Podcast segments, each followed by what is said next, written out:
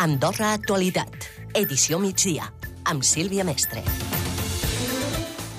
Arribem quan falten gairebé 13 minuts per les 3 de la tarda, doncs, eh, perquè ha tingut lloc aquest debat monogràfic en el si de Consell General. Els oferirem a partir d'ara i fins a les 3 doncs, un repàs a l'actualitat informativa de casa nostra i també a l'actualitat esportiva.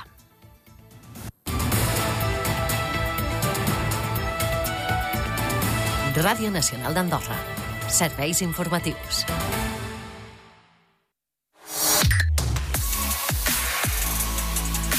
AXA. Patrimoni Assegurances t'ofereix les notícies nacionals.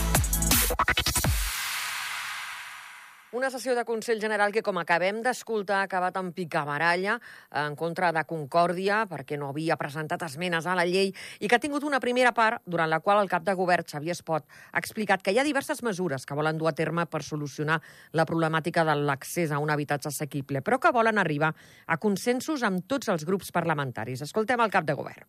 Aquests sectors també han fet i hauran de seguir fent esforços per augmentar els salaris però no hi ha cap augment salarial que pugui pagar un lloguer de 19 o 20 euros al metre quadrat. I el president del grup parlamentari de Concòrdia, Cerny Escalé, creu que hi ha una crisi total i que no hi pot haver un terme mitjà entre els propietaris i inversors i llogaters.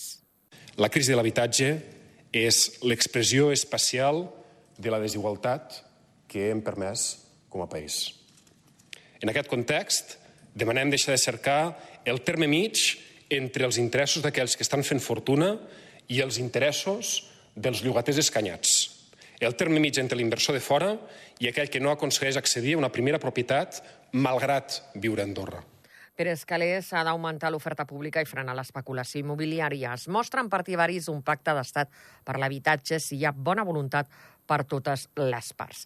I el conseller general no adscrit, el liberal Víctor Pintos, ha demanat que la CAS pugui contribuir a la promoció d'habitatge de lloguer assequible. Anem a escoltar-lo.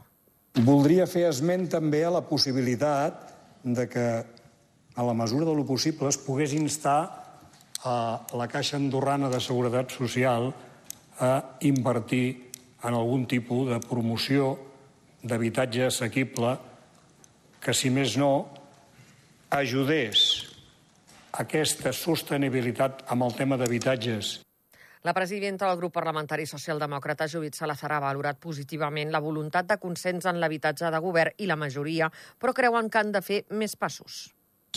La ministra, amb aquesta eh, llei que tenim ara mateix en, la, en el si d'una comissió legislativa ja ha apuntat una rectificació, una voluntat de, de consens i de mà estesa. Però pensem que no és suficient. Finalment, la presidenta del grup parlamentari d'Andorra Endavant, Karim Montaner, ha criticat contundentment Concòrdia per no esmenar la llei de l'habitatge. No podem amagar, senyor Escalé, la nostra sorpresa com vau fer la roda de premsa del 30 d'octubre de 2023 per anunciar que havíeu decidit no presentar esmenes a l'articulat, és a dir, decidir de no proposar cap modificació del text inicial. Una llei imprescindible. I els grups parlamentaris a la majoria insisteixen en la necessitat d'aprovar de forma imminent la llei d'estímul a l'habitatge de lloguer per assegurar una pròrroga de contractes fins al 2027. Hem pogut sentir avui a l'hemicicle doncs, l'acabem d'escoltar Jordi Jordana, president del grup parlamentari demòcrata, i a Carles Naudi d'Areny Plandolit, president del grup parlamentari de Ciutadans Compromesos. Això evita que l'arrendatari hagi d'estar pendent de tràmits i de redacció de cartes i preocupacions per demanar la pròrroga i té la garantia que el seu lloguer, que el seu contracte de lloguer es prorrogarà encara que no ho demani. A més, encara que hi hagi qualsevol comunicació de l'arrendador en sentit contrari, és a dir, resolent el contracte, aquesta carta no tindrà com cap efecte també, com ha mencionat, em sembla, el senyor Naudí. Aquests vots en aquell dia, en aquell moment, va permetre tirar endavant, com deia, moltes persones del país, però avui dia potser signifiquen una porció massa important del global d'habitatges d'Andorra, quan 2.700 estan dedicats a aquesta finalitat. Una de les mesures més immediates per aconseguir que aquests pisos que es dediquen al món del turisme es puguin replantejar i puguin posar pisos al nostre mercat. Aquest debat ha sorgit doncs, eh, després d'aquesta manifestació que va tenir lloc ara fa uns dies, el dia 31 d'octubre, i on van acudir més de 1.000 persones doncs, demanant un habitatge digne a un preu assequible. Doncs bé, avui està convocada una concentració davant de Consell General a les 7 del vespre i, de fet, a xarxes socials ja s'ha penjat aquest eh, manifest que porta per títol El poble andorrà ho ha expressat clarament, ja en n'hi ha prou.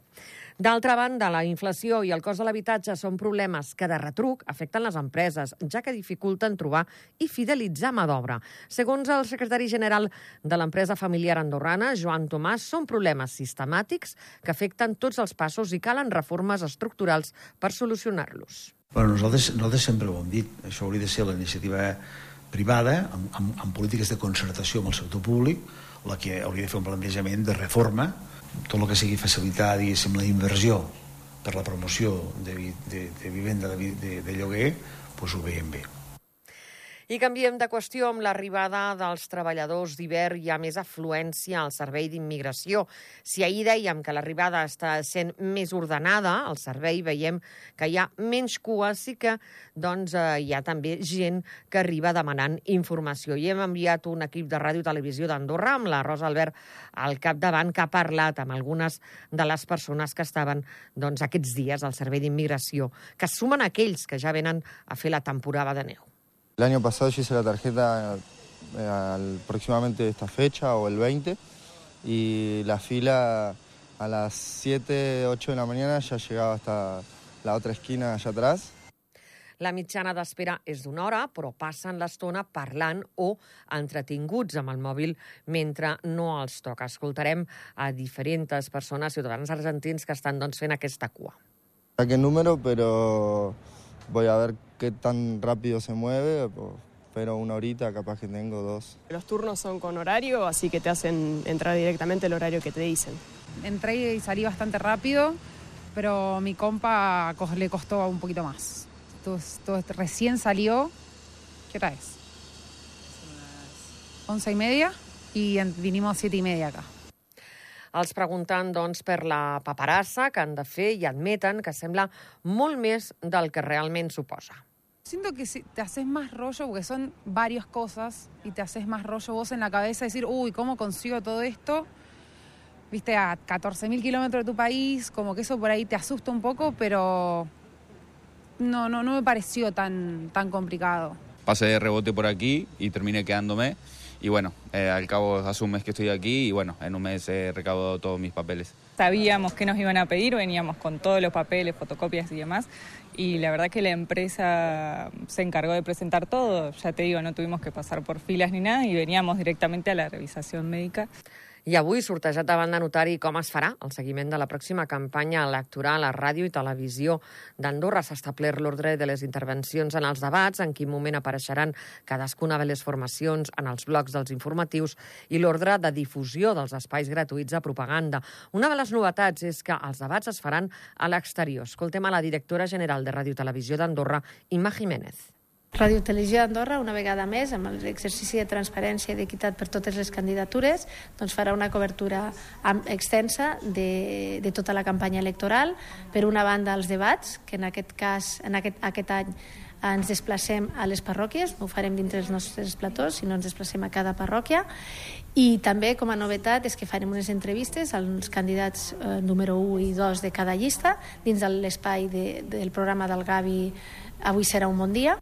I obrim la pàgina d'actualitat comunal perquè el Comú de Canillo ha donat llum verda per assentiment a la compra dels terrenys al càmping pla. En total són prop de 10.000 metres quadrats que tindran un cost global d'11,3 milions d'euros que es pagaran de forma fraccionada fins al 2028. Anem a escoltar el consol menor de Canillo, Marc Casal, i a la consellera de Comú de la minoria, Dolors Cabot que ara no és moment de dir quines tipologies hi haurà. Evidentment, tot serà serveis al ciutadà, tot serà pel ciutadà com a immediatesa eh, la necessitat d'un aparcament amb els propers quatre anys segur que s'haurà de, de realitzar, ja que tenim aparcaments a dia d'avui amb, amb el sistema de lloguer en el qual aquests, aquests, aquestes superfícies estan destinades a habitatge. En aquest moment se m'ha ocorregut quan parlàvem una mica el, el tema de residència, no? però hi pot haver eh, compaginat amb temes més de joventut o temes, o temes més de,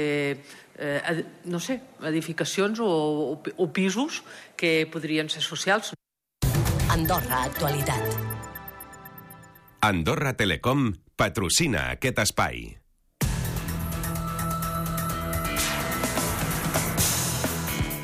I arribem a l'actualitat esportiva. Fa un mes i mig que Maeva Estevez va passar per la sala d'operacions després de la luxació als ossos carpians de la mà dreta que va patir al setembre en una estava de pretemporada a Xile. La surfista de neu reconeix que la lesió va ser un cop molt dur. Ha sigut dur, molt dur, perquè ja als Jocs vaig patir el genoll, uns mesos més tard el canell esquerre i ara el canell dret, un any després, llavors en un any i mig he encadenat molt i, i no he arribat a, a competir encara i és, dur, és molt dur. No ha tornat a competir des dels Jocs de Pequín, però manté la il·lusió de tornar a classificar-se entre les 16 millors de la Copa del Món de Border Cross, com va fer a Montafont pocs mesos abans de començar un calvari de lesions que ha posat a prova la seva fortalesa mental.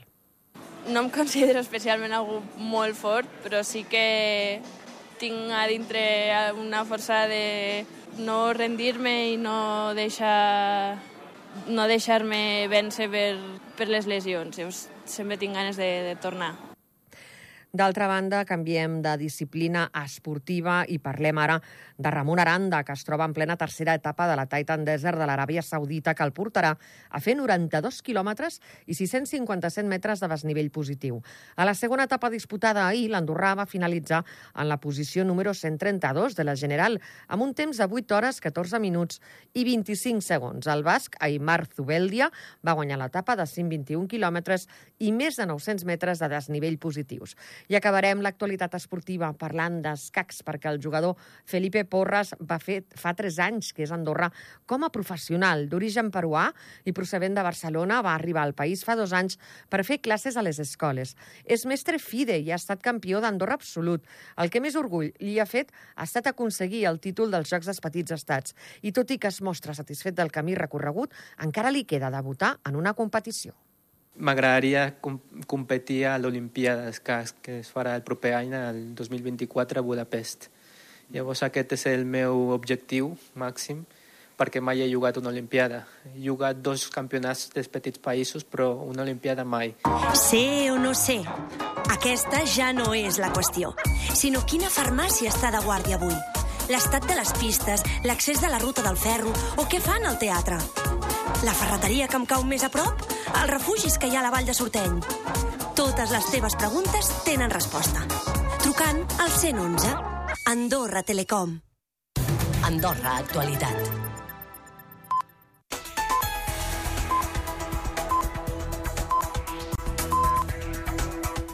I anem a fer un cop d'ull a la previsió del temps. Josep Tomàs, bona tarda. Bona tarda. Avui la situació meteorològica encapçada per un front poc actiu que ha anat donant nuvolositat durant la jornada amb unes temperatures molt similars a les d'ahir i no es descarta alguna gotellada, alguna petita precipitació, cota de neu elevada, 2.400 metres. Per demà s'espera una situació molt més tranquil·la, temperatures que no han de variar i el sol ha de ser el protagonista.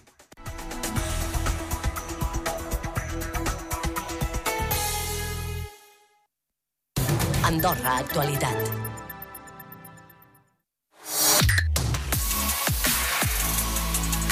AXA, Patrimoni Assegurances t'ofereix les notícies internacionals.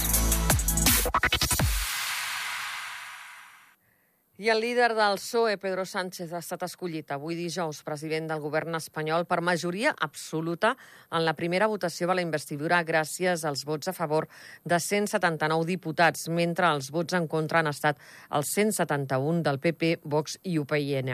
Es tracta d'una majoria més gran que la que va tenir fa 4 anys, amb 3 vots més dels que marca la majoria absoluta, i arriba després de mesos de negociacions al PSOE amb les set forces polítiques restants, Sumar, Esquerra Republicana de Catalunya, Junts, EH Bildu, el PNB, el BNG, el BNG, perdó, i la coalició canària que han votat també a favor. Tot plegat en un context de forta pressió de la dreta i l'extrema dreta en contra de la llei de l'amnistia. Precisament les càrregues policials i aldarulls al carrer de Ferraz de Madrid ahir la nit davant la seu del PSOE doncs, eh, va ser la tretzena nit consecutiva que s'esdevenien. Hi ha hagut protestes en contra d'aquesta amnistia i la investidura d'avui de Pedro Sánchez. La policia ha detingut doncs, a 15 persones, tot homes. I finalment, canviem de qüestió a nivell internacional. Les Nacions Unides aproven el cinquè intent de demanar doncs, pauses urgents i corredors humanitaris a Gaza. A diferència de les ocasions anteriors, aquesta vegada no hi ha hagut vetos per part dels Estats Units, ni de Rússia, ni tampoc de la Xina.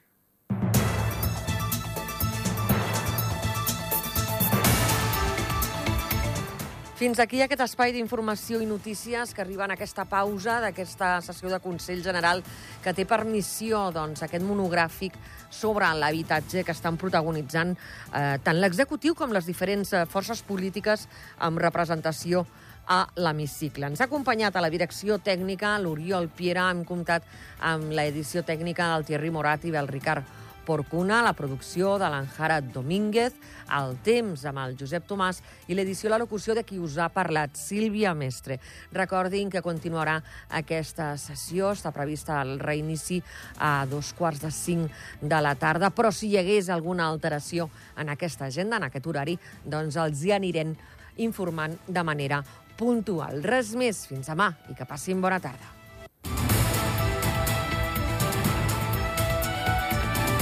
Ràdio Nacional d'Andorra. Serveis informatius.